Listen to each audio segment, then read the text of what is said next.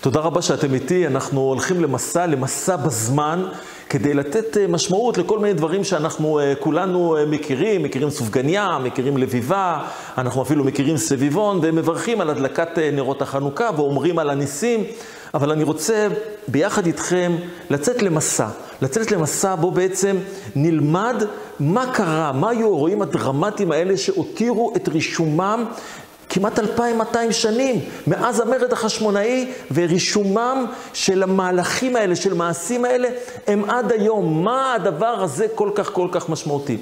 אתם יודעים בוודאי שהרמב"ם, רבי משה אה, אה, בן מימון, הוא חי הרבה הרבה שנים, כמעט 1,300-1,400 שנים אחרי האירועים הגדולים והכבירים האלה, וכשהוא מגדיר את המהלך של החשמונאים, הוא משתמש במשפט מחץ. הוא אומר, חזרה מלכות לישראל. הוא מוסיף יתר על 200 שנה, אבל חזרה מלכות לישראל. ואני שואל אה, את עצמי ואני שואל אתכם, איפה הייתה המלכות? מה היה צריך להחזיר? מה היה לפני כן? איזה שלטון היה כאן קודם? ואתם יודעים מה? שאלה נוספת. כיצד זה שפתאום חוזרת המלכות? מה היה הטריגר של האירועים האלה? ומה הייתה המשמעות של הדבר הזה לדורות? זה בעצם הדבר שאני רוצה שנעסוק בו, ב, ב, כמו שהגדרתי, במסע הזה שאנחנו מדברים עליו. אז קודם כל צריך לדבר על ימי הבית השני. ימי הבית השני שאנחנו נמצאים בהם הם שונים בתכלית, בתכלית מימי הבית הראשון. הם שונים בארבעה נושאים. אחד מהם, קודם כל, בימי בית ראשון, רוב עם ישראל נמצא בארץ. יותר מדויק, כל עם ישראל נמצא בארץ. יצאת מהארץ, כי גירשוני מסתפח בנחלת אלוקים, לאמור הולך עבוד אלוקים אחרים. אתה כבר לא שייך לעם ישראל. בימי בית שני המציאות היא אחרת לחלוטין. רוב עם ישראל לא נמצא בארץ. ייתכן אפילו שרק היו פה בסך הכל 20 אחוז מכל עם ישראל. רוב עם ישראל נמצא בגלות וחשוף למה שקורה בגלות, וזו התמודדות אחרת, אחרת לחלוטין. דבר נוסף שצריך לעמוד עליו, זה שבימי בית ראשון יש נביא, יש מדריך אלוקי שמדריך את עם ישראל, אה, אה, שצמוד אל המלך, שמוכיח אותו. בימי בית שני הולך ומתפתח המושג הזה של, של בית דין, התורה שבעל פה, מעזרא הסופר, אנשי כנסת הגדולה אה, והלאה. ונקודה מאוד מרכזית שתכף נצטרך לעמוד עליה, זו הנקודה של החשיפה התרבותית. בתקופת בית ראשון אין כמעט שום חשיפה למערב. לא ליוון וכל תרבותה, לא לרומא שעוד לא מי יודע מה יש בה משהו בכלל. כל החשיפה של עם ישראל בתקופה הזאת זה חשיפה למזרח. למה שקורה במצרים, למה שקורה באזור מסופוטמיה. אין חשיפה למה שקורה במערב. וימי בית שני נופל דבר. ופה אנחנו צריכים לזכור שימי בית שני מתחלקים לארבעה חלקים. חלק ראשון זה התקופה הפרסית. בעצם אנחנו אה, שבנו לארץ אחרי הצהרת כורש, המלך הפרסי, בשנת 539 לפני הספירה, וזה בעצם הסיפור שאתם מכירים מעזרא ונחמיה. השלטון הפרסי נמצא כאן כ-200 שנה. עד שהוא נופל בידיו של אלכסנדר מוקדון, שתכף אנחנו גם כן אה, ניגע בו בצורה יותר מפורטת. אלכסנדר מוקדון בעצם מתחיל פה תקופה שנקראת התקופה ההלניסטית. היא התקופה שמאתגרת את עם ישראל, או הכי מאתגרת את עם ישראל. תכף נעמוד על העניין הזה, אבל אני ארצה ללכת עוד קצת קדימה. אם השלטון היווני, ההלניסטי, מתחיל בשנת 332 לפני הספירה, עם הכיבוש של אלכסנדר מוקדון, הוא מסתיים בשנת 142 לפני הספירה, עם ההכרזה של המדינה החשמונאית על ידי יונתן, בנו של מתתיהו החשמונאי, אחיו של יהודה, וכאן מוקמת המדינה החשמונאית. בעצם בפועל העצמאות של עם ישראל בימי בית שני היא 80 שנה, עד שנת 63 לפני הספירה.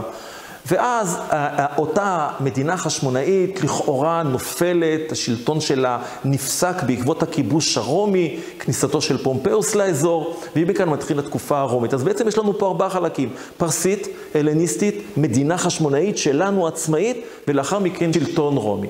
וכאן אני רוצה ללכת אה, עוד, אה, לתת עוד פוקוס על משהו מאוד מאוד משמעותי שמתרחש בתקופה ההלניסטית. אלכסנדר מוקדון, המלך הגדול, הכביר הזה, שבסך הכל שלט בעולם 13 שנים, מגיל 20 עד גיל 33, עושה משהו מאוד מאוד משמעותי. הוא לוקח את המערב ומעביר אותו למזרח. הוא עם הצבא שלו עובר את האלספונטוס, את מה שאנחנו קוראים היום מצרי הדרדנלים. חוצה את אירופה לכיוון אסיה, מתנגש עם הצבא הענק הפרסי של דריווש, מתנגש בו, מפיל אותו קרב אחר קרב, קרב גרניקוס, קרב איסוס, מגיע עד מצרים אחרי כיבושים בארץ ישראל, בצור, בעזה, מגיע למצרים, ושם במצרים הוא מוקסם, מוקסם מהתרבות המצרית, ומעניק להם התרבות שלו. הוא בעצם ממחוללי המושג של הרב-תרבותיות. בוא אני אכבד את התרבות שלך, אתה תכבד את התרבות שלי, בוא נערבב את התרבויות.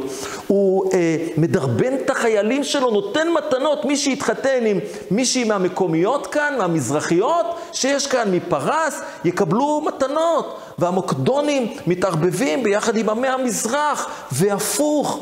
זו מה שנקרא התקופה ההלניסטית, חיבור של אותה תרבות יוונית בתוך המזרח. האמת היא שהמושג היותר מדויק הוא סינקריטיזם, חיבור בין תרבויות. אתם כבר מבינים שישנה קבוצה אחת שנמצאת כאן שזה לא כל כך מתאים לה. קבוצה כזאת, אתם מכירים את זה, שמנונית, שמנונית, כמו הסופגניה השמנונית שלנו, כמו השמן שאנחנו שמים בנרות, כמו הלביבות שלנו. אי אפשר לחבר לשמן הזה שום דבר. כמובן, אנחנו מדברים על עם ישראל, אבל הזמן עושה את שלו, ולאט לאט ישנו תהליך. התהליך הזה הוא תהליך כמעט בלתי נמנע של מה שאנחנו מכנים התייוונות. התייוונות זה לא אה, ישר ללכת ולעבוד עבודה זרה בבית עבודה זרה אה, הלניסטי. התייוונות היא תהליך. חז"ל אה, מגדירים את, ה, את מבחני הזהות של עם ישראל, שהם אומרים ש... שעם ישראל, מה שמר עליהם במצרים, כן, כולנו ודאי מכירים את, ה, את האמירות האלה, אמר רב הונא בשם רב כפרה, בשביל ארבעה דברים נגאלו ישראל ממצרים, שלא שינו את שמם ושלא שינו את לשונם, כולכם ודאי מכירים את הדברים, בעצם אלה שני מרכיבים מאוד מאוד יסודיים, שמבדילים בינינו לבין אחרים. השפה המשותפת שלנו השונה, והשמות. למישהו קוראים לו יוסף, מישהו קוראים לו יצחק, מישהו קוראים לו משה. אני יודע שהוא שייך לעם ישראל. קוראים לה שרה, רבקה, ציפורה, אני יודע שהיא מעם ישראל. השם הוא בזה, אתה שומע שמות, אן, אה, אה, פרנק, או כל מיני שמות אחרים, אתה בעצם מבין שלא מדובר, או שמישהו שיכול להיות שהוא יהודי, אבל זה כבר לא כל כך, כל כך מזהה אותו. ואחד הדברים שאנחנו לומדים, שבתקופה הזאת, אחד הדברים הראשונים, שבמיוחד בגלות אנחנו רואים אותו מאוד מאוד רווח, זה שינוי השמות. הם משנים את השמות שלהם ליהודים, אלכסנדר, תלמי, אנטיפטרוס, שמות לפעמים שהם תרגום של שם מעברית ליוונית, נגיד תיאודורוס, מתניה, כן? אה, אה, דורוס זה מתן, מתנן, דורון, דורון, כן? אה, תיאו זה... כל מיני שמות כאלה, לפעמים זה תורגם, לפעמים השמות היו ממש שמות אליליים. היהודים לוקחים לעצמם שמות אליליים. אחד הדברים הכי קשים שקורה בתקופה הזאת שאנחנו מדברים עליה, אותה תקופה הלניסטית, אחרי כבר מותו של אלכסנדר מוקדון. השפה העברית נשכחה, במיוחד בגלות, היא נשכחה, וכדי ללמד את הילדים את התורה, נזקקו למה שאנחנו מכירים, אה, אה, תרגום השיבים. כולם מכירים את הגמרא שמספרת על אה, אה, כיצד תרגמו את התורה ליוונית, אבל יש במסכת סופרים, זה מסופר בצורה קצת שונה, וכתוב מעשה בחמישה זקנים שכתבו לתלמי המלך את התורה היוונית, והיה אותו היום קשה לישראל כיום שנעשה בו העגל, שלא הייתה התורה יכולה להתרגם כל צורכה. זאת אומרת, מדובר כאן, נכון שאנחנו מכירים את זה כאילו זה נעשה בכפייה, אבל היה פה גם כן צורך. איך נלמד את הילדים? זה שמלמד לא יודע עברית, זה שלומד לא יודע עברית, כן? אז היה צריך לתרגם את התורה, אבל התורה לא יכולה להתרגם כל צורכה, כל תרגום הוא צמצום. אני לא יכול לפרש את המילה הזאת במשמעות ה- שיש, היא רב משמעותית, בעברית זה יכול להיות רב משמעותי, יכול, לכן היא יכולה להיות למילה פרשנות אחת ופרשנות אחרת, אבל ברגע שתרגמת, פירשת, ולכן זה דבר שהוא מאוד מאוד מזעזע כיום שנעשה פה העגל. אבל זו סוג של התייוונות שנעשית, איך אומרים, עם הזרם, בלי שמרגישים, תהליך שהולך ומתרחש. אתה רוכש בהתחלה את השם שלו, את השפה שלו, את הביגוד שלו, את ההתנהלות שלו, את המאכלים שלו. אתה בעצם מתחבר לכל ההוויה הסביבתית והופך להיות חלק ממנה, ואפילו גם כן מעריץ אותה, כי יש בה לא מעט אה, אה, דברים שהם אה, דברים יפים. אתם יודעים, ישנו פילוסוף יהודי בשם פילון האלכסנדרוני, שהוא, היינו מכנים אותו היום יהודי אורתודוקסי. בהחלט יהודי שומר תורה ומצוות, כתב ספרים על המצוות וכולי, ספרי על החוקים. הוא משבח את התרבות הגמנסיונית, אנחנו נחזור אליה בהמשך, על הגמנסיון, והוא אומר, לגוף הביאו תועלת, הגמנסיון, בעזרת ההתעמלות וההתאמנות לרכישת כושר וחוסן, תנוחות ותנועות קלות. וואו, איזה יופי, מה רע בזה? מה רע בזה? הוא משום מה מתעלם מכך שבגמנסיון הייתה התנהגות נוספת מעבר לתנועות הגוף והמוזיקה והמתמטיקה ושאר הדברים ש, שלמדו שם. במקום אחר הוא כותב ומבין שיש יהודים שבעקבות זה לא רק עזבו את היהדות ולא רק הפנו עורף, נעשו לצערנו הרב נגד אחיהם, וזה אחד הדברים שמביא לידי ביטוי את התהליך הזה של ההתייוונות. ההתייוונות לא הייתה רק שאני קיבלתי על עצמי תרבות זרה, רציתי שכולם יקבלו עליהם את תרבות זרה. אז בואו נחזור רגע, אלכסנדר מוקדון אהב את העולם בשנת 320 אה, לפני הספירה לערך, ומאז בעצם העולם מתחלק, או הכיבוש הסלוקי, הממלכה הענקית הזאת מתחלקת לארבעה חלקים. ומה שמעניין אותנו לשני חלקים עיקריים, שאנחנו נמצאים בתווך, ארץ ישראל נמצאת בתווך. מדרום לנו מצרים, המלכות התלמית, בית תלמי. מעלינו בית סלבקוס, הסלוקים, אני נוהג להגיד, לקרוא להם, כן? הסלוקים נמצאים, וזו ממלכה אדירה, היא שולטת פרס, פקיסטן, עד הודו, ממלכה אדירת ממדים, שנבין מול מי יצאו החשמונאים? איזה ממלכה, איזה צבא ענק, צבא משוכלל, שמחזיק לא רק פילים, אלא צבא עם יחידות מאומנות, מיומנות, באותן שיטות שמביא אלכסנדר מוקדון מאה שנים ויותר לפני כן, והם גם כן בעלי ניסיון. אתם יודעים שכל המאה השנים האלה של המאה השלישית לפני הספירה, נקראים שנות המלחמות הסוריות. כמה מלחמות היה להם? חמש, שש מלחמות. אה, אה, בעלות משמעות מאוד מאוד גדולה, זה צוב, אתם צובר בזה ניסיון, צובר צבא ענק, ומול כל זה הולכים החשמונאים. ופה אנחנו צריכים ללכת בעצם אל אירוע שמתרחש בסביבות 200 אה, לפני הספירה, שאנטיוכוס מגס, אחד מהמלכים הסלוקים, והוא, בשביל הסדר מבחינתנו, אנחנו קוראים לו אנטיוכוס השלישי. אנטיוכוס השלישי, עוד מעט יהיה אנטיוכוס הרביעי, שאנחנו מכירים אותו גם כן. ואנטיוכוס השלישי מצליח סוף סוף, אחרי למעלה ממאה שנים, לכבוש את ארץ ישראל מידי התלמיים.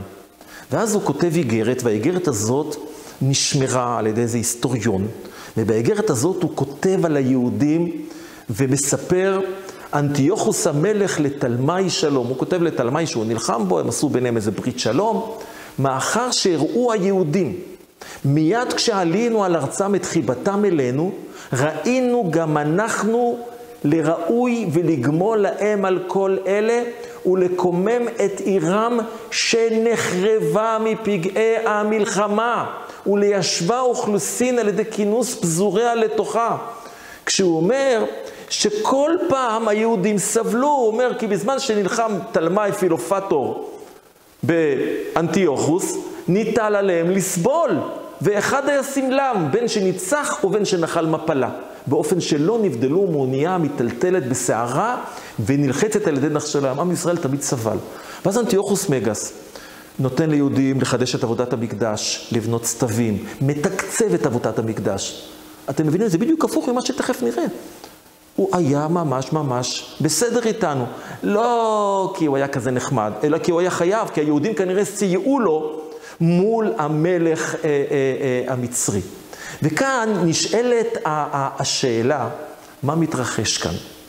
אנחנו נמצאים בתקופתו של אנטיוכוס מגס, 180 ומשהו לפני הספירה, והוא מאפשר ליהודים לחדש את עבודת המקדש. המקדש הלב הפועם של עם ישראל, מרכז את כל עם ישראל בכל העולם כולו. מה שמקשר את עם ישראל בכל העולם כולו זה בית המקדש. הכוהנים ועבודתם, עם כל הדברים האלה.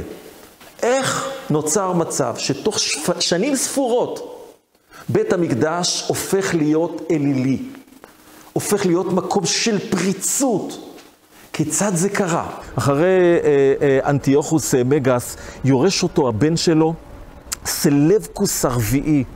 סלבקוס הרביעי הזה מקבל מלשין, איזה יהודי אחד מפה, שקוראים לו שמעון, שהוא יש לו עניינים עם הכהן הגדול באותם ימים של חוניו, שיחסית היה מלך, אה, היה כהן גדול צדיק, והוא מסתכסך איתו, והולך להלשין, יהודי שמלשין, שחוצה את הקווים, והולך ואומר לו, תשמע, בבית המקדש יש אוצרות, יש כסף, ואתה יש לך חובות, היה להם חובות לרומא, בוא, תבזוז את בית המקדש, תדרוש, ייתנו לך, אתה בעל הבית פה. הוא שולח לכאן את הנציג שלו, את אליודורוס, אבל אליודורוס לא מצליח במשימה שלו וחוזר בבושת פנים בחזרה אה, אה, לסוריה ולא מצליח במשימה שלו. אבל אחרי אליודורוס מגיע אנטיוכוס, אותו אנטיוכוס שאנחנו מכירים, אנטיוכוס אפיפנס, אנטיוכוס הרביעי, אנטיוכוס של גזרות הדת, עולה לשלטון ב-175 לפני הספירה, וכאן בירושלים התרחשויות מאוד מאוד קשות. לחוניו יש אח, יאסון. יאסון מגיע ליוחוס הזה ואומר לו, תשמע, אני רוצה להיות כהן גדול, תן לי להיות כהן גדול, אני אשלם לך. ויותר מזה, אני אהפוך את ירושלים לפוליס, לעיר יוונית, נבנה פה גמנסיון, נבנה פה את הפביון, אלו מוסדות אה, אה, אקדמאיים, אם תרצו, של מי שרוצה להיות יווני. ככה אתה צריך לעבור דרך הגמנסיון, ללכת שם לתחרויות ספורט, ללמוד שם אה, מוזיקה, תנועות הגוף, אה, ועוד כל מיני דברים חשובים, וגם בדרך קצת לעבוד עבודה זרה, אם אפשר. וגמנה, אני רוצה להזכיר לכם, זה עירום, הכל הכל שם נעשה בעירום, עם תרבות הגוף היוונית. וכאן בירושלים, בסמוך להר הבית, הולך ונבנה כאן גמנסיון. איך אנחנו יודעים שהגמנסיון היה סמוך ממש לבית המקדש? את הדבר הזה מתאר לנו בעל ספר מכבים ב', שהוא מספר שהכוהנים היו שומעים את הקולות שהיו עושים בזמן שהיו מתחילים את המשחקים, וככה מסופר, כי גם הכוהנים עזבו את עבודת המזבח והקורבנות. היו שומעים את הדיסקוסים האלה מרעישים, רצים. ויבוזו את הקודש, ויחפזו ללכת אל בית המשחק, הכוהנים בבית המקדש. להתפתל ולהתגנח בחנית וברומח, ולשחוק בשחוק הכדורים, ויחשבו את דרכי אבותיהם לאבל וריק. זה תהליך של טומאת המקדש, התהליך של ההתייוונות שהולך ואוחז בעם ישראל. הדבר הזה מתואר שבעצם מי שיזם, מי שהביא לכאן את הדברים האלה, היו לא אחרים מאשר כמו שמתאר אותם בעל ספר מכבים, הוא קורא להם בני פריצים. אומר, ויצאו מישראל בימים ההם בני פריצים, ויפתו רבים לאמור נלך נלך נא, ונכרות ברית עם הגויים. אשר סביבנו, כי מאז נבדלנו מהם מצאונו רעות רבות, ויטב הדבר בעיניהם.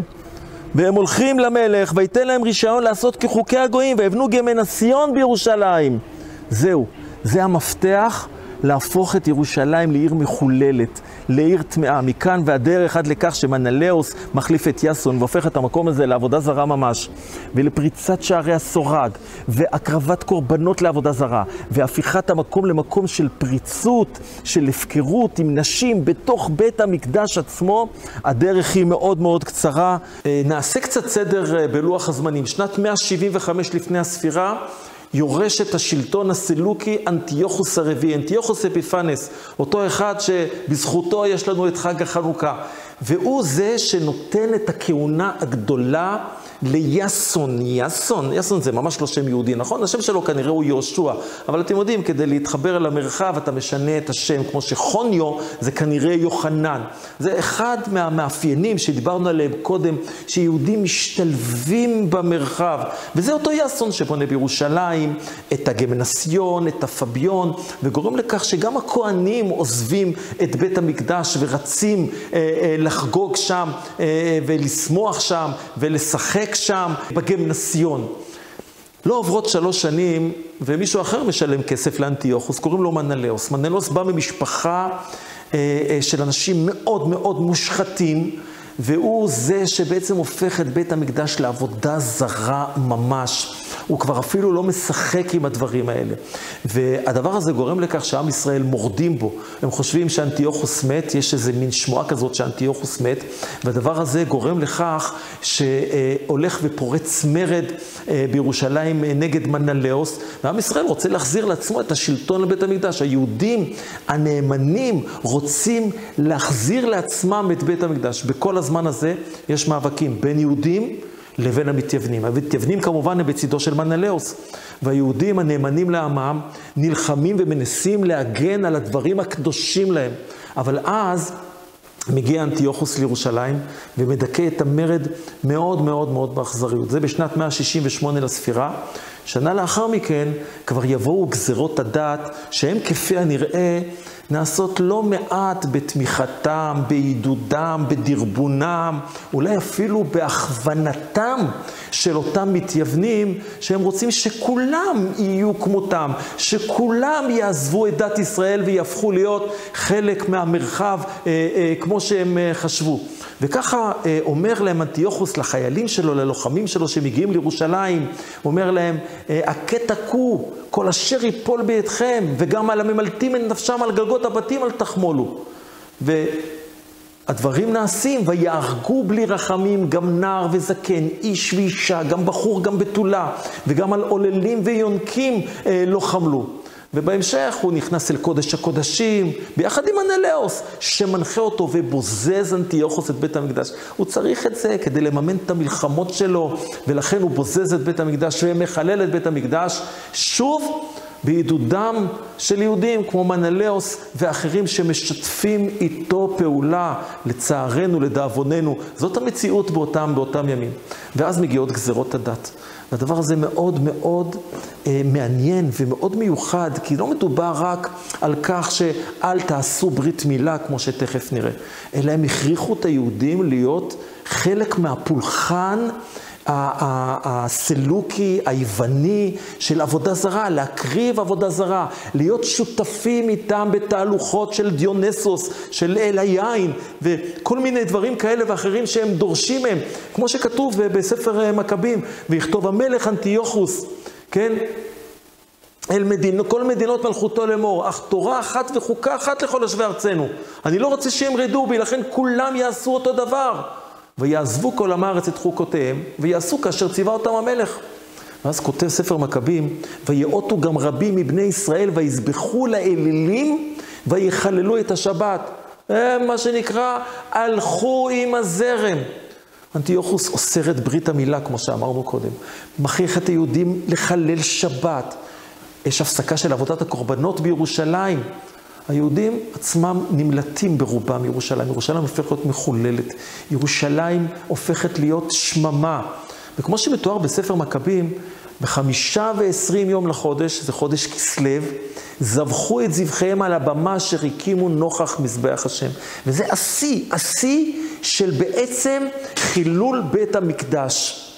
לעומת זה, מתאר ספר מכבים, והאנשים אשר מלו את בניהם הומתו על פי המלך. את העוללים תלו בצווארם, ואת עמלים אותם הרגו בחרב, ויזבחו את, ויבוזו את בתיהם. ורבים מבני ישראל דבקו בתורת השם, וישמרו מאכול כל דבר טמא. ויבחרו את המוות משקץ את נפשותם, ומחלל את ברית השם וימותו. וכאן מתחוללת התפנית. כשהם מגיעים אל הכפר מודיעין, אנחנו נמצאים כאן אה, בעיר מודיעין, במקום שנמצא ממצא של אה, כפר חשמונאי. באזור פה נמצאו כמה וכמה מקומות שניתן לזהות אותם כאותו כפר שממנו יוסים אה, מתתיהו ובניו. נהוג לומר שמתתיהו הוא זה שמכריז את המרד. זה לא מדויק, זה לא מדויק. מי שמכריז את המרד זה בעצם היהודים שהפסיקו לציית. האי ציות זה בעצם המהות של מרד. אני לא נשמע לציווי של המלך. אבל האי ציות הסתפק בכך שיהודים נמלטו על נפשם להרים. מסרו את נפשם כשהכריחו אותם לאכול מאכלות פיגולים. כולנו מכירים את הסיפור הזה של האם ושבעת הבנים, שאנטיוכוס, על פי האגדה הזאת, על פי הסיפור שמופיע בספר מכבים, מאלץ אותם אה, לבוא ול... ולהשתחוות לפסל, והם מוסרים את נפשם בזה אחר זה. ואותו סיפור על אותו יהודי זקן, שמכריחים אותו לבוא ולאכול דבר פיגולים. והוא אומר, אני עד עכשיו חייתי ולא עשיתי שום כזה, שום דבר כזה, ובוודאי, בוודאי שאני לא אעשה את זה עכשיו. אומרים, לא, אתה תבשל רק אנחנו נגיד שאתה אכלת בשר פיגולים, והוא אומר, גם את זה אני לא אעשה, גם לא למראית עין אני לא אעשה. והם הורגים אותו בעינויים נוראים ואיומים. זה מרד, זה מרד. אבל כאן מתחוללת התפנית במרד. וזו תפנית מאוד מאוד מאוד משמעותית. אנחנו כבר דיברנו על זה שהצבא הסלוקי, המלכות הסלוקית, נעזרה, הסתייעה ואולי אפילו דורבנה על ידי יהודים מתייוונים, שהם אלה שהסיתו אותם לבוא ולהפוך את התרבות של עם ישראל לאותה תרבות יוונית של גמנסיון, של פביון, של נטישת דרכי השם, של עזיבת השבת, עזיבת ברית המילה. ובאיזשהו שלב הם גם כן אה, מגיעים לכאן, הם מגיעים לכאן כדי לאכוף בעצם את, ה, את המצוות החדשות שלהם, בעצם פירוק של המצוות של היהדות. עוד הרבה קודם מספר לנו ספר מכבים א' על מתתיהו. על מתתיהו, שאנחנו מכירים אותו בשם מתתיהו החשמונאי, ומספרים עליו שהוא קודם כל התחיל עם דבר שנקרא תודעה. ואני מקריא לכם מספר מכבים, ובימים ההם קם מתתיה בן יוחנן בן שמעון, כהן בני יריב בירושלים, וישב במודיעין. יכול להיות שבכלל הם היו בירושלים והם חלק מהיהודים שגורשו מירושלים, ולא בנים חמישה, יש פה את שמותם של חמשת הבנים. וירא את התועבות אשר נעשו ביהודה וירושלים, ויאמר, אוי לי, למה זה הולדתי לראות את שבר עמי ואת שבר עיר הקודש?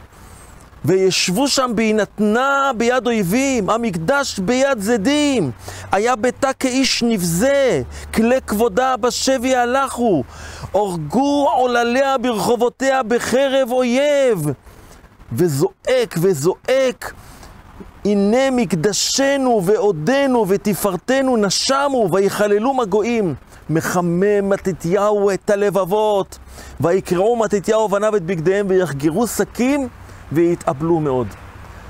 זה גם מרד. חוסר השלמה תודעתית. אנחנו לא מקבלים את המציאות הזאת. אנחנו לא נתרגל למציאות הזאת. המציאות הזאת חייבת להשתנות, וכדי שישתנה אנחנו צריכים לעשות מעשה. וכמו שמספר ספר מכבים, מיד לאחר מכן מגיע אותו סיפור שאנחנו מכירים אותו גם כן מגן הילדים. אבל אנחנו צריכים לתת לו את המשמעות הכל כך דרמטית שלו.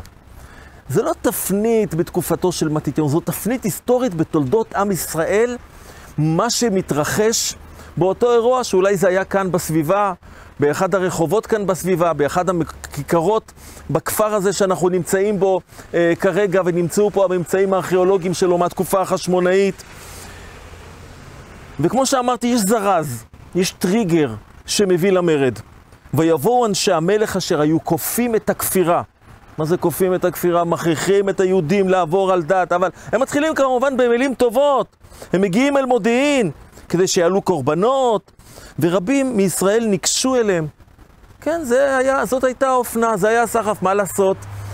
זאת הייתה אווירה, זה גם נתן הטבות למי שהתיישר עם זה, זה נתן לו גם כן את ההטבות למעמד יותר בכיר, למעמד יותר נוח מבחינת אזרח יווני, אזרח של, הממלכה, של הממלכה הסלוקית.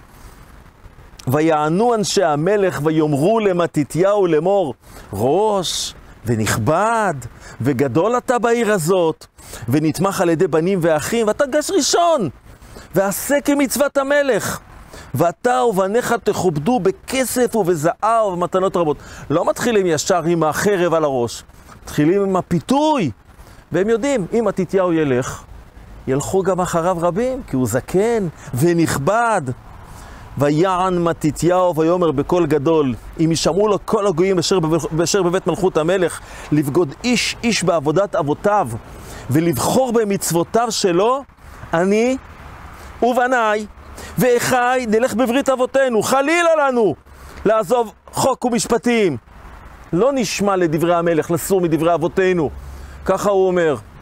אבל אז מתרחש כאן אירוע יש כמובן את היהודים היפים האלה, שהם לא אוהבים מישהו שככה מתחצף למלך, זה לא נעים, אנחנו צריכים לדעת להיות במרחב, להיות בשיח, וככה מתנהג אחד היהודים. וכאשר סיים לדבר את הדברים האלה, ניגש איש יהודי לעיני כל להקריב על הבמה במודיעין כפקודת המלך. יש מי שבעצם מתיישר עם הדבר הזה ונותן דוגמה אישית. וכאן מתחוללת התפנית. עד עכשיו, כמו שאמרנו, יהודים, המרד שלהם התבטא בכך שהם אמרו, אנחנו נפשוט את צווארנו, תשחטו אותנו, את ילדינו, תשרפו את בתינו, אבל אנחנו לא נעבור על דת. הדבר הזה נקרא ייהרג ואל יעבור. ויהודים הקפידו אפילו על שאר מצוות, כמו לא לאכול בשר פיגולים, זה לא אחד משלוש מצוות שמתים עליהם. כאן מגיע מתתיהו ומלמד דבר חדש. מלמד דבר שכבר 300 שנה יהודים לא הכירו אותו. יהודים ידעו אך ורק לפשוט את צווארם, לוותר, להתרפס, להתייוון או למות. מלמד מתתיהו דבר חדש. אנחנו עוברים, ותזכרו את המשפט הזה שאני אומר עכשיו. כל כך דרמטי, הוא גם כן מייצג משהו שעם ישראל עבר לפני כ-100-120 שנה, שהתחילה פה תנועת העלייה לארץ, ארגון השומר, ולאחר מכן ההגנה, ולאחר מכן האצ"ל. ואנחנו למדנו, נגמר ייהרג ואל יעבור. אם מישהו יבוא לפגוע בנו, אם מישהו יבוא להסיט אותנו מהדרך שלנו, אנחנו מכירים גם כן את יהרוג ואל יעבור. זאת התפנית. המרד התחיל קודם, אבל זאת התפנית ההיסטורית שמתתיהו מלמד, יהרוג ואל יעבור. טוב, מתתיהו לא המציא את זה, כמו שאתם יודעים. קדם לו בהרבה משה רבנו, שהוא רואה איש מצרי מכה איש שברי מאחיו, הוא לא מדבר איתו, הוא לא מסביר לו. ויח את המצרי והטמינו בחול. ופה מתחוללת התפנית ההיסטורית של גאולת ישראל במצרים. אנחנו מכירים את זה, לדוגמה, גם כן מיונתן אה, בן שאול, שהורג את נציב פלישתים בגבע, ובזה מחולל את התנועה ואת המאבק ואת המלחמה בפלישתים, ובעצם משנה את התמונה, משנה את המשוואה, ומביא לעצמאות של עם ישראל בתהליך. וזהו מתתיהו. ברגע הזה, בנקודה הזאת, ברגע של טירוף, מן הסתם, אם היה קודם איזה דיון והיו מדברים על זה, היו אומרים לו, הדבר הזה הוא סכנה מאוד גדולה. אתה יודע מה זה הצבא הסלוקי? זה מאות אלפי חיילים, זה פילים, זה חיילים מאומנים מיומנים עם נשק. מי אתה מתתיהו ובניו? אבל שימו לב, כיצד מתרחשים הדברים, וירא מתתיהו ויקנא ויזועו כליותיו ותעלה חמתו כמשפט. וירוץ וישחטהו על הבמה ואת איש המלך הכופה לזבוח הרג בזמן ההוא ואת הבמה הרס. גם את היהודי המתייוון, שמנסה להסיט את אחיו בפעולתו, וגם את הנציג של המלך. זהו. זה מה שנקרא במרד נקודת אל-חזור. תראו, מבחינתם של הממלכה הסלוקית, הם ירצו להסתפק, לתפוס את האשמים, כי הם לא רוצים עכשיו שכולם יצאו ולהפחיד ולהטיל אימה. מתתיהו יודע שאם הוא יישאר פה בכפר, כן, אז בעוד uh, כמה שעות או בעוד יומיים שלושה יגיעו פה הצבא, ייקחו אותו באזיקים, אם לא ישחטו אותו מיד, אותו ואת בניו, ויעשו פה מיצג אימה על כולם. לכן מתתיהו, מתוך מודעות, מתוך מסירות נפש, אומר, מי להשם אליי? אבל במילים אחרות uh, uh, זה מופיע במקור, בתרגום. ויקרא מתתיהו בעיר בקול גדול לאמור, כל המקנא לתורה והעומד בברית, יצא אחריי. וינוסו בניו אל הערים, ויניחו את אשר להם בעיר. הדבר הזה גורם גם לאחרים להצטרף אליהם. ופה תתעורר השאלה, האם הם ימותו כשיבואו להילחם בהם בשבת ולא יילחמו בשבת? או שהם יילחמו גם בשבת? ומחדשים מתתיהו ובניו אם יבואו אלינו להילחם בשבת, נקום על נפשנו, כי אנחנו אומה שמחזיקה בחרב. ואולי ננסה להסביר מושג מאוד מאוד חשוב, תפנית מאוד מאוד חשובה שמתחוללת כאן בזכותו של אנטיוכוס. אנטיוכוס, שאני מכנה אותו אנטיוכוס הצדיק. למה צדיק? כי 300 שנה היהודים, בשביל להניח תפילין, היו צריכים רק להניח תפילין על יד שמאל. כמעט ולא הפריע להם. בא אנטיוכוס אפיפנס, או יש מי שקורא לו אפימנס, מטורף, ואמר ליהודים, אין יותר הנחת תפילין, אין יותר ברית מילה.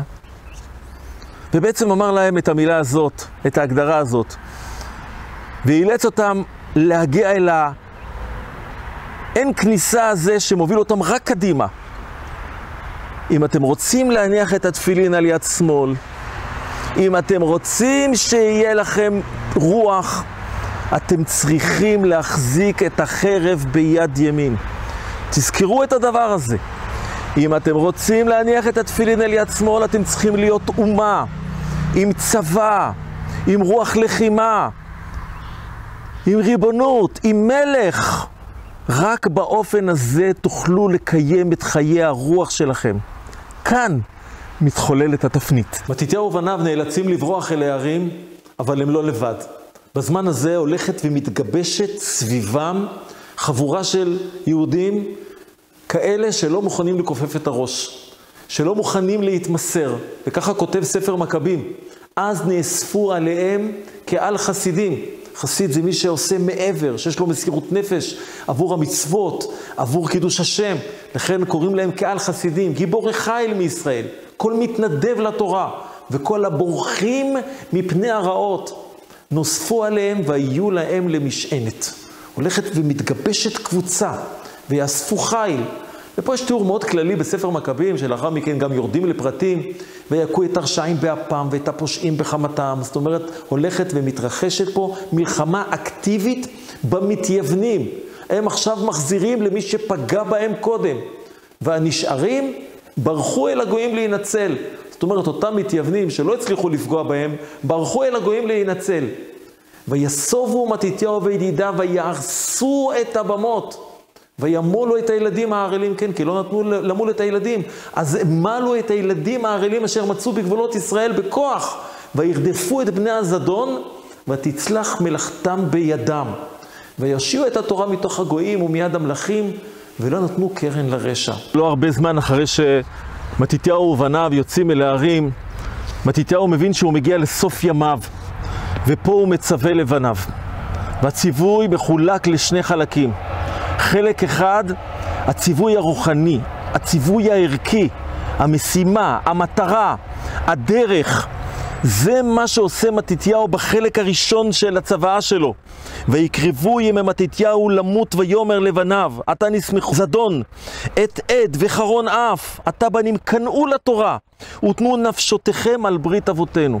זהו המסר, אנחנו צריכים לשמור את התורה. אבל כדי לשמור את התורה, אנחנו צריכים ללכת בדרכם של אבותינו הקדושים. והוא מזכיר את אברהם שהוא עמד בניסיון, הוא מעבר אחד וכל העולם מעבר אחר. יוסף שעומד בניסיון, פנחס, יהושע, כלב. כל הדמויות הכבירות האלה, והוא אומר, כמו בכל דור ודור, תדעו לכם, כי כל החוסים בו לא ייכשלו. ואחרי שהוא נותן להם את הרוח ואומר להם חזקו ואימצו בתורה כי בה תכובדו, אומר להם מתתיהו בעצם מי יהיה הממשיך. והממשיך הנבחר הוא כנראה לא בכור בניו. הממשיך הנבחר הוא יהודה, וככה הוא אומר. הוא אומר, הנה שמעון אחיכם, ידעתי כי איש עצה הוא. שמעון עוד ימלוך. זה ייקח זמן, האחים האלה הם אחים בלב ובנפש. הם מוסרים את הנפש אחד על השני. אין ביניהם לא קנאה ולא שנאה ולא תחרות, כמו שהיו כל מיני כאלה שרצו לומר. הם נלחמים ביחד כאגרוף אחד. ומי שמוביל את האגרוף, יהודה המכבי, איש חיל מנוריו. הוא יהיה לכם לשר צבא, ונלחם מלחמת עמים, ואתם קרבו עליכם את כל עשי התורה, ונקמו נקמת עמכם.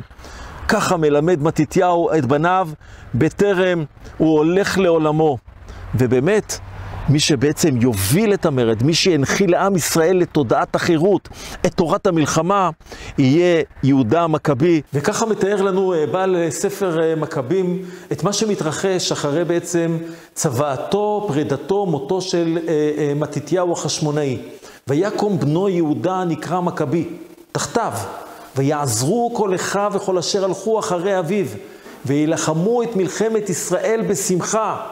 וירחב כבוד לעמו, וילבש שריון כגיבור, ויחגור כלי מלחמתו ומלחמות ערך, וידמה לאריה במעשיו, ולכפיר שואג לטרף, וירדוף רשעים, ויחפשם, ומבעלי עמו ליעט, ויקנו הרשעים מפחדו, וכל עושה עוול רגזו, ותצלח תשועה בידו. והדברים האלה הולכים ומקבלים צורה בקרבות שמנהל יהודה המכבי מול הצבא הסלוקי הענק. ובואו נלך קרב-קרב. הקרב הראשון נקרא קרב אפולוניוס. אפולוניוס היה אה, מין אה, אה, אה, מצביא מקומי שאחראי כאן על השליטה, על הילידים האלה, היהודים שבדרך כלל היו מאוד מאוד ממושמעים ומאוד מאוד מפוחדים ולא הרימו ראש. היה לו פה יחידה צבאית לא מי יודע מה גדולה. והוא כשהוא שומע את האירוע הקשה שהיה במודיעין, שבו שחטו גם את המתייוון וגם את הנציג של המלך, לוקח את הצבא שלו וחותר למגע לקראת יהודה המכבי, אומר, אני אתפוס אותו, הוא מסתתר שם בערים, באזור של עופרה, מכמס, בית אל, אני אלך, אני אתפוס אותו, אני אכה אותו, ואני אחסל את העניין.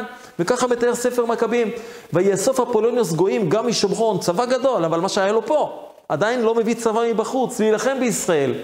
וידע יהודה, יהודה, ואנחנו נדבר על זה בהמשך, עובד עם עקרונות המלחמה כל הזמן, ואחד מהם זה מודיעין, הוא מקבל מודיעין. אז יהודה מחליט לא לברוח. וכאן בעצם הוא מסמן את המאפיין המרכזי של יהודה. הוא חותר למגע, כמו דוד המלך בשעתו, מי הפלישתי הערל הזה כחרף מערכות אלוקים חיים, צועד לקראתו. וכאן יהודה בתחכום רב, ויצא לקראתו ויכהו וימיתהו. זה לא סתם, הקרב הזה נעשה במקום שנקרא ואדי חרמיה, זה מקום שיש מעבר מאוד מאוד צר בין בית אל לבין, בין עופרה לבין אה, אה, שילה. יש מעבר מאוד מאוד צר שם במקום הזה, ושם הוא אורב לו, כשאין לו לאן להימלט, סוגר לו את הדרך, בא אליו מן ההרים ובעצם מכה אותו, כשהשיטה היא אני הולך על הראש, נותן מכה בראש, חיסלתי את כולם. יהודה חותר למגע, ישר לאפולוניוס, מכה את אפולוניוס, ולוקח את חרב אפולוניוס, ויהודה לקח את חרב אפולוניוס, ונלחם בה כל הימים. מאוד מזכיר את דוד המלך אה, אה, מול גוליית. טוב, הדבר הזה כמובן אה, גורם לכך שמבינים פה בחילת סוריה, זאת אומרת, הצבא הסלאוקי, בעצם השלטון הסלאוקי היה מחולק, חלק ממנו בעבר הירדן, מה שנקרא המערבי, היותר דרומי, החלק שלנו, לא עבר הירדן, סליחה, אה, עבר הפרת, אה, וחלק ממנו היה יותר לאזור הצפוני-מזרחי אה, של הפרת. אז חילת סוריה מתארגנת ושולחים לכאן גם כן שוב צבא, אבל הפעם הרבה הרבה יותר רציני, הוא לוקח מצביא בשם סרון, וגם הוא חושב שהוא יבוא ויכה את יהודה. אבל גם כאן יהודה לא מהסס. הוא מגייס את החיילים שלו, אמנם הם עדיין מעטים, הם עדיין מעטים, אין להם מספיק כלי נשק. עדיין אין להם מספיק כלי נשק, אבל אסטרטגי יהודה. הוא מגיע למעבר בית חורון, מגיע בשעה שבה הוא יכול לבלבל את הצבא, כשהוא יודע באיזה שעה הוא יוצא, באיזה שעה הוא יגיע, הוא עורב לו בדיוק בזמן הנכון, שם לוחמים שלו בשני עברי הערים, והוא בעצמו ניצב בחסימה ומכה אותו, את הצבא של סרון. אה, ואני מקריא לכם את הדברים בפנים. ויקרב עד מעלה בית חורון, ויצא יהודה לקראתו במעט אנשים. וכאשר ראו את המחנה הבא לקראתם, ויאמר יהודה, ויאמרו ליהודה, החיילים שלו חוששים, איך נוכל אנחנו המעטים להילחם בהמון עצום כזה? ואנחנו כלה כוחנו, כי לא אכלנו היום. אז יהודה ולאורך כל הדרך, אחד מעקרונות המלחמה זה המורל, זה הביטחון בניצחון, זה הביטחון בשליחות. וזה מה שהוא עושה עם הלוחמים שלו, גם בפעם הזאת, גם בפעמים הבאות, וכל הזמן, כל הזמן עם הדוגמה האישית. ויאמר יהודה, נקלו להסגיר, להסגיר רבים ביד מעטים, ואין הבדל לפני השמיים להושיע ברבים או במעטים. כי לא ברובך אלו ניצחון במלחמה. איך אנחנו אומרים? נתת רבים ביד מעטים? זה מה שאומר להם אה, יהודה, כי מן השמיים הכוח. הוא המשיך ואומר, ואנחנו נלחמים על נפשותנו ועל חוקינו. והוא האלוקים יגוף אותם מלפנינו, ואתם אל תראו מפניהם. ויקח על אותו לדבר, ויסתער עליהם. פתאום, גורם ההפתעה, תזכרו את זה, תמיד הוא ישתמש בגורם ההפתעה. וינגף סרון ומחנהו לפניו. יהודה לא מסתפק בזה, הוא רודף אחריו, וירדפהו במורד בית חורון עד השפלה, ויפלו מהם שמונה מאות איש, והנותרים נסו אל ארץ פלישתים. הדבר הזה גרם לכך שקודם כל האויבים שלנו למדו שכבר העסק לא פשוט. דבר שני, עם ישראל הבין שיש פה מנהיג שצריך ללכת אחריו. וזה אחד הדברים שמסייעים לו, ליהודה המכבי, לגייס עוד ועוד לוחמים. הצבא שלו יותר ממכפיל את עצמו אחרי הקרב של בית חורון, שוב, ההצלחה הזאת גורמת לכך שאנשים מבינים שכדאי להצטרף, שיש סיכוי למהלך הנראה עד כה, נראה מטורף, מטורף לחלוטין.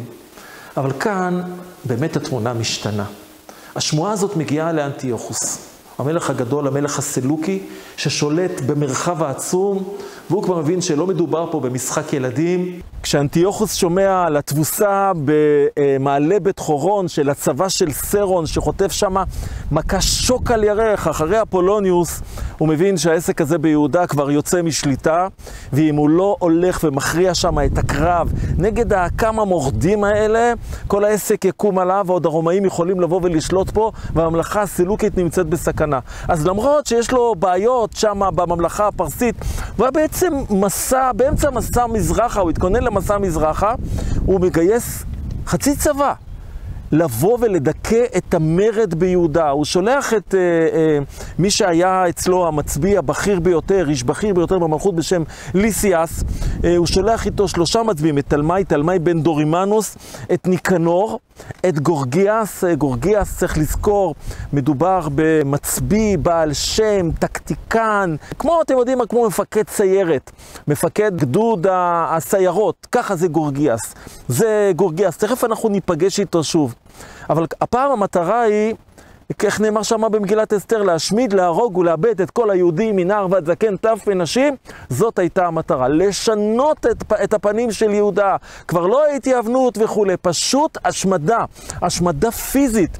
אתם יודעים שהצבא הזה, לפחות על, סיף, על פי ספר מכבים, הוא עם 40 אלף חיילים. ועוד אלפים, אלפים, אלפים של פרשים, כשבעת אלפים פרשים. אמנם ספר מכבים ב' קצת מצמצם את זה, ואומר, לא יודע, אפילו עשרים אלף חיילים, ועוד אלפי פרשים. מדובר בצבא אדיר, ועם פילים, ולא, הם לא מסתפקים בזה, הם מביאים איתם סוחרי עבדים.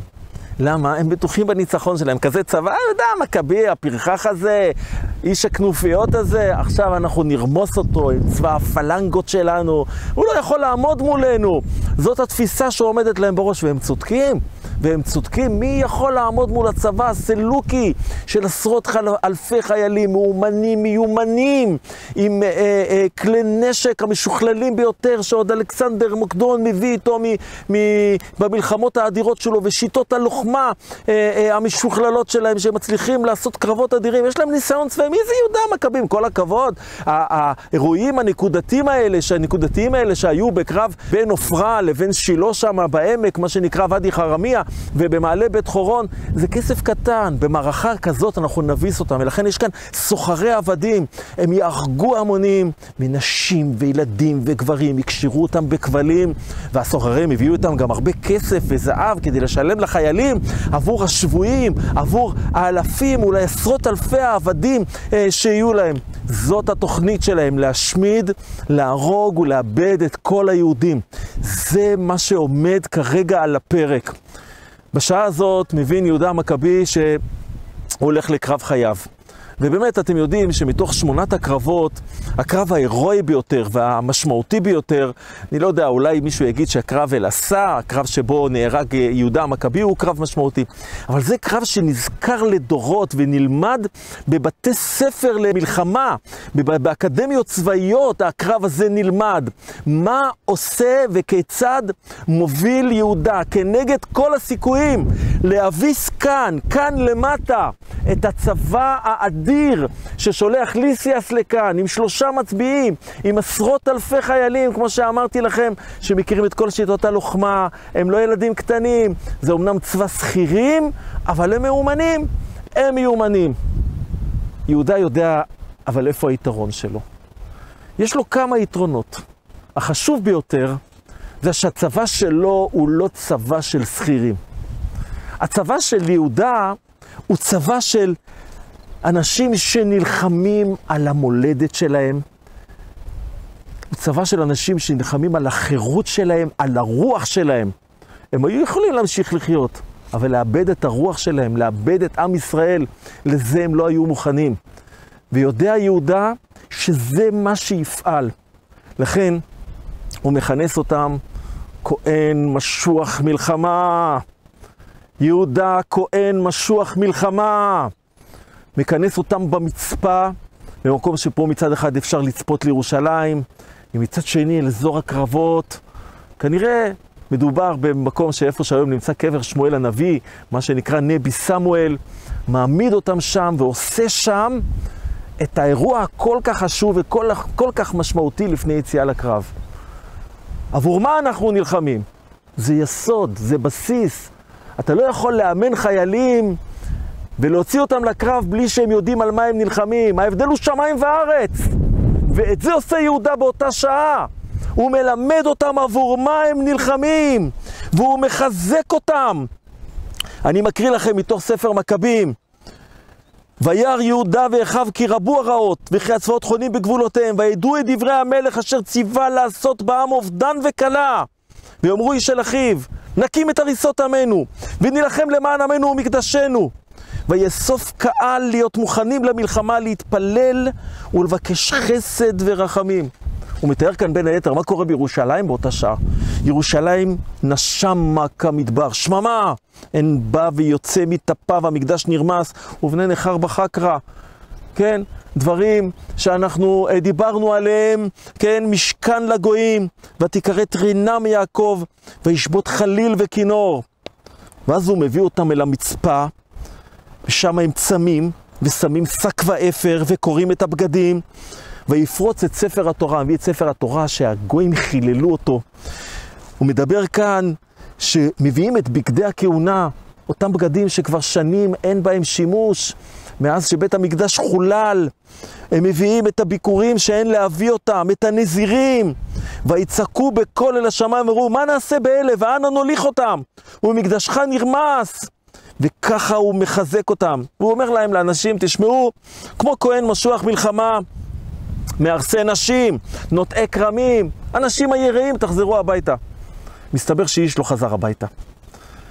כל האלה שמתוארים שם, שהם חוזרים, זה אנשים שיש להם משהו יותר חשוב לעשות. אצל הלוחמים של יהודה המכבי באותה שעה, אחרי שני ניצחונות, יש דבר אחד חשוב, זה להילחם על החירות, זה בעצם להילחם על החיים שלנו. או מה שאנחנו קוראים מלחמת מצווה, מלחמה של ישראל מיצר שבאה עליהם. כפי הנראה, איש, איש לא חוזר הביתה באותה שעה. ואז הוא עושה כמו שעושה מצביא, נערך את ההיערכות הפיקודית, מחלק שרי אלפים, שרי מאות, מחלק את היחידות. הוא אסטרטג יהודה. אמנם הוא לוחם גרילה, אבל הוא משתמש בגרילה בצורה מתוחכמת, עם כל, עם כל עקרונות המלחמה. ויש עקרונות למלחמה. אחד מהם זה החיזוק המורלי, זה כבר עשה.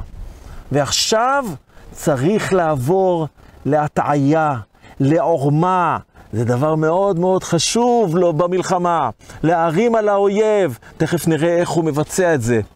ולא פחות חשוב, וזה דבר שמנחה אותו, את יהודה, פעם אחר פעם. חתירה למגע. חתירה למגע. הם חושבים שאנחנו נסוגים, שאנחנו יהודים נרפסים, אותם יהודים גלותיים שהם מכירים. הסיפור הזה נגמר. אנחנו חותרים למגע. אתם יודעים, גם בקרב בקחידס, שעוד נדבר עליו, גם אז, כשהוא יודע שסיכוייו קלושים, הוא לא מהסס, חותר למגע.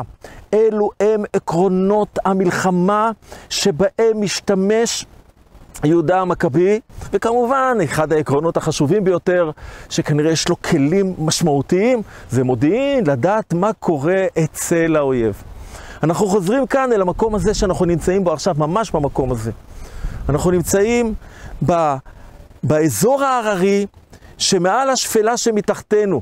העמק הזה שמתחתנו זה העמק המישורי שבו בעצם מחזיקים ומקימים את הצבא הסלוקי האדיר, שהמטרה שלו והמשימה שלו היא לחדור כאן דרך מעלה בית חורון, או דרך שער הגיא שנמצא אה, מזרחית אלינו. שני הדרכים הללו שמובילים אה, לירושלים, הדרכים אה, ש, אה, שדרכם ניתן לפרוץ לירושלים, מכאן הם עומדים ומחכים לרגע שבו הם יוכלו לעשות את זה. אבל גורגיאס לא מתאפק. גורגיאס מחליט שהוא יותר מתוחכם, והוא אמיץ, ויש לו סיירת. הוא לוקח חמשת אלפים חיילים שלו ואומר, אני אלך ואני אכה את יהודה לפני שהוא מתארגן. אני אפזר אותו, אני אנפץ אותו. הרי לי יש חיילים מאומנים ומיומנים. ואתם יודעים, מצער לומר, וככה אנחנו יודעים מהמקורות, שיש איתו יהודים שמלשינים לו ואומרים לו איפה יהודה נמצא ואיפה המחנה שלו נמצא.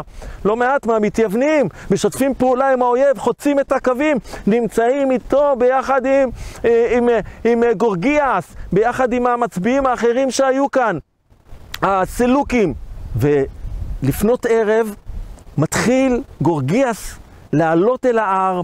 וחותר לכיוון המחנה של יהודה. יהודה, כנראה גם הוא יש לו מודיעין, ויש לו מודיעין טוב, והוא יודע שזאת המגמה של גורגיאס להגיע אליו, הוא לא מתכוון לתת לו את פרי מחשבתו.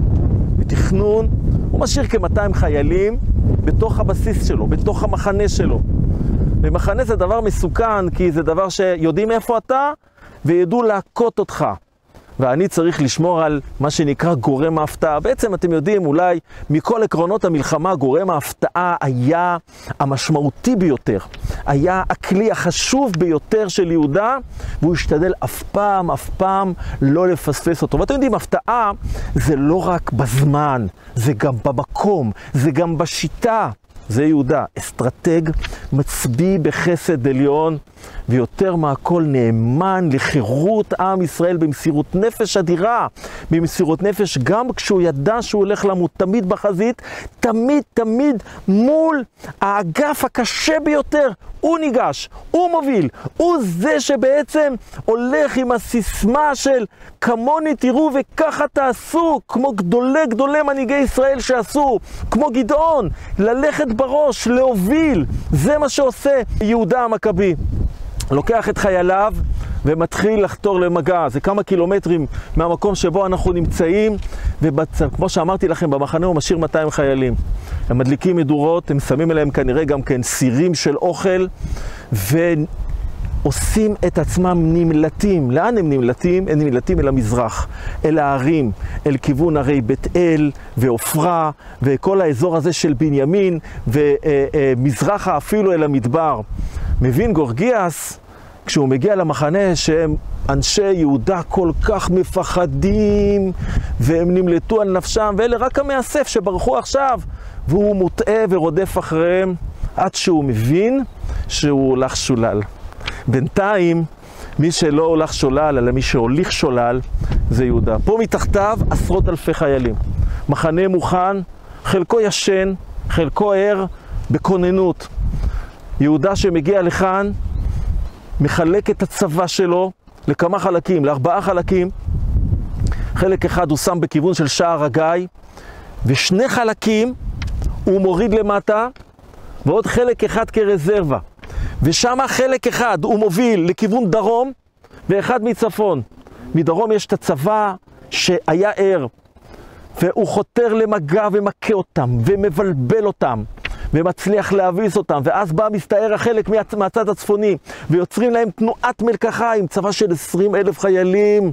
לפנות בוקר, השמש מכה בהם, השמש מכה בהם כשהם לא יודעים איפה זה בא להם בכלל. והדבר הזה יוצר מהומה ענקית. הצבא הסילוקי, ביחד עם סוחרי העבדים, יימח שמם, אלה שחשבו לכבול, להתעלל בנשים וילדים, כולם נסוגים. מי שלא נהרג, וכנראה שנהרגו פה אלפים, אלפים רבים על ידי הגיבורים של יהודה המכבי כשהוא מוביל אותם. בינתיים, מי שחוזר הביתה, חוזר למחנה זה גורגיאס. הוא מגיע כאן מהערים, ויהודה בדרכו של יהושע בן נון, בעי, מעלה באש את המחנה. והנה המחנה עולה באש, ועשנו מגיע השמיימה. רואה עם זה החיילים של גורגיאס, וכבר לא יעזרו לו שום מסעות השכנוע.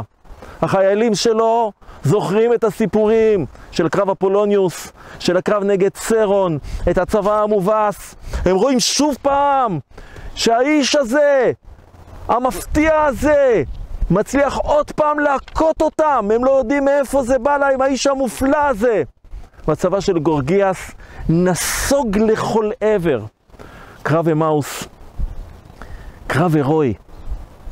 שיש בו ניצחון, ניצחון של הרוח, ניצחון של המעטים נגד רבים. אז כשאנחנו אומרים בעל הניסים, נתת רבים ביד מעטים, אז תזכרו את קרב אמאוס, תזכרו את גבורתם של בני חשמונאי, תזכרו את גבורתו של יהודה המכבי, את גבורתו של אותו דור שחולל בנו את החירות. השמועה על התבוסה הקשה והמבישה של הצבא הענק שנשלח אה, מול יהודה במאוס.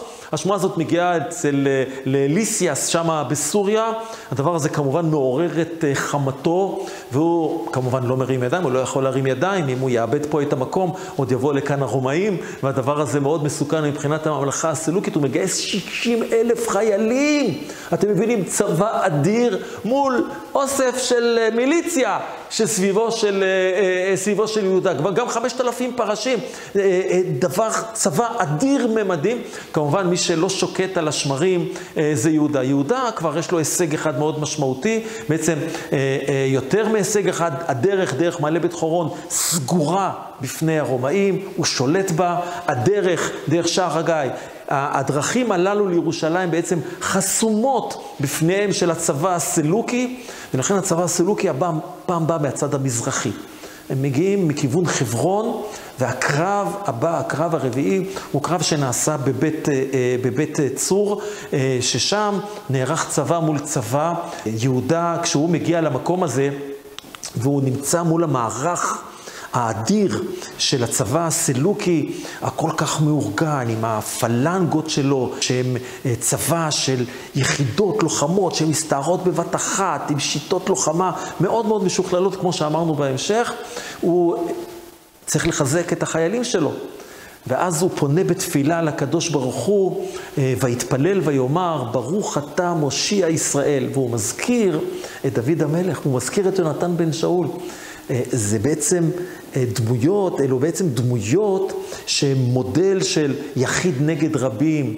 החלש מול החזק, מול העוצמתי, ולכן הוא מזכיר את שתי הדמויות האלה, לא לחינם. אה, איך הוא אומר? ותיתן מחנה פלישתים ביד יונתן בן שאול ונושא חיליו. אסגר את המחנה הזה ביד עמך ישראל, ויבושו בחילם ובפרשיהם. תן להם פחד, וכלה חוזק חילם, וימותו בשברם, הפילם בחרב אוהביך. הוא כמובן לא מסתפק בתפילה, הוא מוצא את נקודת התורפה, הוא מסתער, הוא מכה, הוא מביס, ובעצם פותח את הדרכים לירושלים. וכאן אנחנו מגיעים לשלב אולי המשמעותי ביותר במרד החשמונאי. זה עדיין לא הסוף. עדיין לא הוקמה המדינה החשמונאית, זה ייקח עוד יותר מ-20 שנה. עוד תהיינה מפלות, ומפלות קשות מאוד בדרך. אבל כאן נקודת ציון, שלוש שנים אחרי שבית המקדש מחולל, עולה יהודה ביחד עם לוחמיו, ביחד עם האנשים שסביבו, ואומר להם ככה, הנה הוכו אויבינו, נעלנה לתאר את המקדש ולחונכו. זאת הייתה המטרה, המקדש שמקשר בין עם ישראל לאביהם שבשמיים, המקדש שמקדש את עם ישראל, שאנחנו הולכים על פי דרך השם, שמה שניסו להסיט אותנו מדרך השם, לשם הוא מוביל את לוחמיו כדי לתאר את בית המקדש. כמובן, מה שהם רואים לנגד עיניהם, הם רואים את המקדש שומם, את המזבח מחולל, את השערים שרופים באש, כן? זו, זו תמונה מאוד מאוד מאוד קשה שנגלית לנגד עיניהם. הם כמובן מגיבים בתגובה של אבל. הם קוראים את הבגדים, הם שמים אפר על ראשיהם, אבל הם לא מסתפקים ב- בלבכות. הם עוברים כמובן לשלב המעשי של תיאור המקדש. זה בעצם מה שאנחנו אומרים, וזו נקודת הזמן שאנחנו משבחים אותה. ובאו בניך לדביר ביתך, ופינו את היכליך, ותראו את מקדשיך, והדליקו נרות בחצרות קודשיך. כל מה שתיארנו עד עכשיו, זה מה שהוביל לאותה לאותו אירוע שאנחנו מציידים אותו כבר 2,200 שנים בהתרגשות כל כך גדולה, ואנחנו מזכירים את זה בתפילה שלנו ובברכת המזון, מזכירים את הניסים ועל הנפלאות ועל התשואות שעשית לאבותינו בימים ההם בזמן הזה. זה לא נעשה סתם ככה. זה לא נעשה באיזה משהו שהוא רק שמימי, אלא מתוך אותה גבורה עצומה, גבורת הרוח והאמונה בהשם שהביאה אותם לאותו מהפך. וכמו שאמרתי קודם אה, על אה, מתתיהו החשמונאי, שהוא מעביר את עם ישראל מיהרג ואל יעבור ליהרוג ואל יעבור. זה בעצם הלב של הסיפור, של אותה חירות, של אותה תודעת חירות שמנחילים לנו החשמונאים. כמובן, אחרי האירועים האלה אה, של חידוש עבודת המקדש והחגיגה מאוד גדולה והשמחה מאוד גדולה אה, בחגיגת המקדש, הסילוקים לא ויתרו ושולחים לפה שוב ושוב את הצבא, שולחים לפה את ניקנור, ויש את יום ניקנור שאנחנו מציינים, עד שאנחנו מגיעים לקרב הקשה ביותר שנזכר בימי החשמונאי, וזה קרב שנקרא קרב בקחידס או קרב אל-עשה או אל-עשה, תלוי איך אנחנו מתרגמים, וזה קרב מאוד מאוד קשה של יהודה המכבי, שנמצא לאחר זמן שיש איתו מעט מאוד חיילים, וכנראה שרוב רוב חייליו, ככה אפשר ללמוד מספר מכבים, מהפחד, מהצבא האדיר של בקחידס, הם נמלטים. והוא נשאר עם יחידה מאוד מאוד קטנה. וכמובן שיש כאלה שמציעים לו באותה שעה אה, ואומרים לו, תשמע, אולי ניסוג, אולי נברח. הוא מבין שהנסיגה הזאת בעצם תרסק את כל מה שהוא עשה עד עכשיו. אה, כן, הם אומרים לו, בוא, נדחה את הקרב לפעם אחרת, ניסוג. אומר להם יהודה ככה במילים האלה, חלילה לי מעשות זאת. לנוס מהם, ואם קרב יומנו, ומתנו בגבורה בעד אחינו, ועל יהי כבודנו לכלימה. יהודה בעצם יוצא לקרב אבוד. לקרב שהוא יודע שבו הוא ימצא את מותו, אבל שם הוא משאיר את המורשת. אני לא נסוג, אני לא בורח. אנחנו כל הזמן הולכים קדימה. וזה בעצם מה שנותן את הכוח להמשך. בקרב הזה, יהודה לא הולך ופושט את צווארו. הוא מחפש את האגף שהם חשבו שהוא האגף החזק, האגף הימני, מסתער עליו, מצליח להחליש אותו, אבל אז האגף השמאלי של בקחידס בעצם בא וסוגר אותו מן הצד השני, ובתנועת מלקחיים הם מצליחים אה, להרוג את יהודה המכבי, המצביא הגדול, המנהיג הגדול של עם ישראל. ויהודה המכבי נהרג שבע שנים אחרי בעצם הכרזת המרד בידי אביו. שבע שנים שבהם הוא מנהל מערכה מול האימפריה הענקית בעולם, מול האימפריה הסלוקית, ומחנך את עם ישראל לתודעה חדשה, לתודעת החירות. ומתנו בגבורה, זה מושג שיהודים לא הכירו. הם הכירו את המושג של לפשוט את הצוואר. וככה מתאר ספר מכבים א', ויספדו לו, ויבכו, ויבכו אותו כל ישראל בכי גדול, ויתאבלו ימים רבים, ויאמרו, איך נפל רב מושיע ישראל. הוא מסיים שמה, ויתר דברי יהודה והמלחמות והגבורות אשר עשה וגדולתו, לא נכתבו, כי רבים היו מאוד. כמובן, אם היינו רוצים להמשיך, אז הסיפור הוא פה עוד ארוך מאוד. יש לאחר מכן את בעצם מינויו של אחיו יונתן, אחיו הצעיר יונתן, כמנהיג, כממשיך שלו, מכחיד לסוסי שמות בארץ. המתייוונים חוזרים לפגוע בכל מקום שיכולים לפגוע. יונתן בורח אל המדבר, ושם הוא מאבד את אחיו יוחנן על ידי שבטים שיש שם, אה, שמסתובבים. הוא נוקם בהם נקמה מאוד קשה. ובאופן עקשני, בדרכו של אביו ובדרכו של אחיו, הוא הולך וצובר כוח, הולך וצובר כוח, עד שבשנת 142 לפני הספירה, הוא בעצם מכריז על הקמת המדינה החשמונאית. הוא לא זוכה להיות הרבה זמן כי הוא נופל בתככים של האויבים שלנו והוא נרצח, ומי שלוקח את המלכות אחריו זה האח, כנראה הבכור, האח שמעון החשמונאי. אותו שמעון החשמונאי, שהוא משאיר לנו לזיכרון את, ה, את האמירה האלמותית הזאת, האמירה האלמותית שבאים אליו ואומרים לו, בוא, תחזיר שטחים שלקחת מאיתנו, אומרים לו, אנטיוכוס השביעי. והוא אומר להם משהו מאוד מאוד חשוב, שיש הרבה כאלה שגם מציינים אותו היום, ונאמר את הדברים. לא ארץ נוכריה לקחנו, ולא ברכוש זרים משלנו, כי אם נחלת אבותינו. אשר בידי אויבינו בעת מן העיתים בלא משפט נכבשה. ואנחנו, כאשר הייתה לנו עת, השיבונו נחלת אבותינו. חסרה מלכות לישראל יתר על 200 שנה. ואני אומר, חסרה תודעת המלכות לעם ישראל. ולכן במשך 2,200 שנה אנחנו בנרות האלה מזכירים את אותה חירות, את אותה מלכות, את, אותו, את אותה שאיפה של באו בניך לדביר ביתך ופינו את היכליך ותיארו את מקדשיך. אם יש משהו ששומר את עם ישראל במשך למעלה מאלפיים שנה, זו אותה רוח. אותה רוח לא של תבוסה, לא של היעלמות, לא של התייוונות, אלא אותה רוח של קדושה, של קדושת המכבים, של עוצמתם, של גבורתם. תודה רבה שהייתם איתי.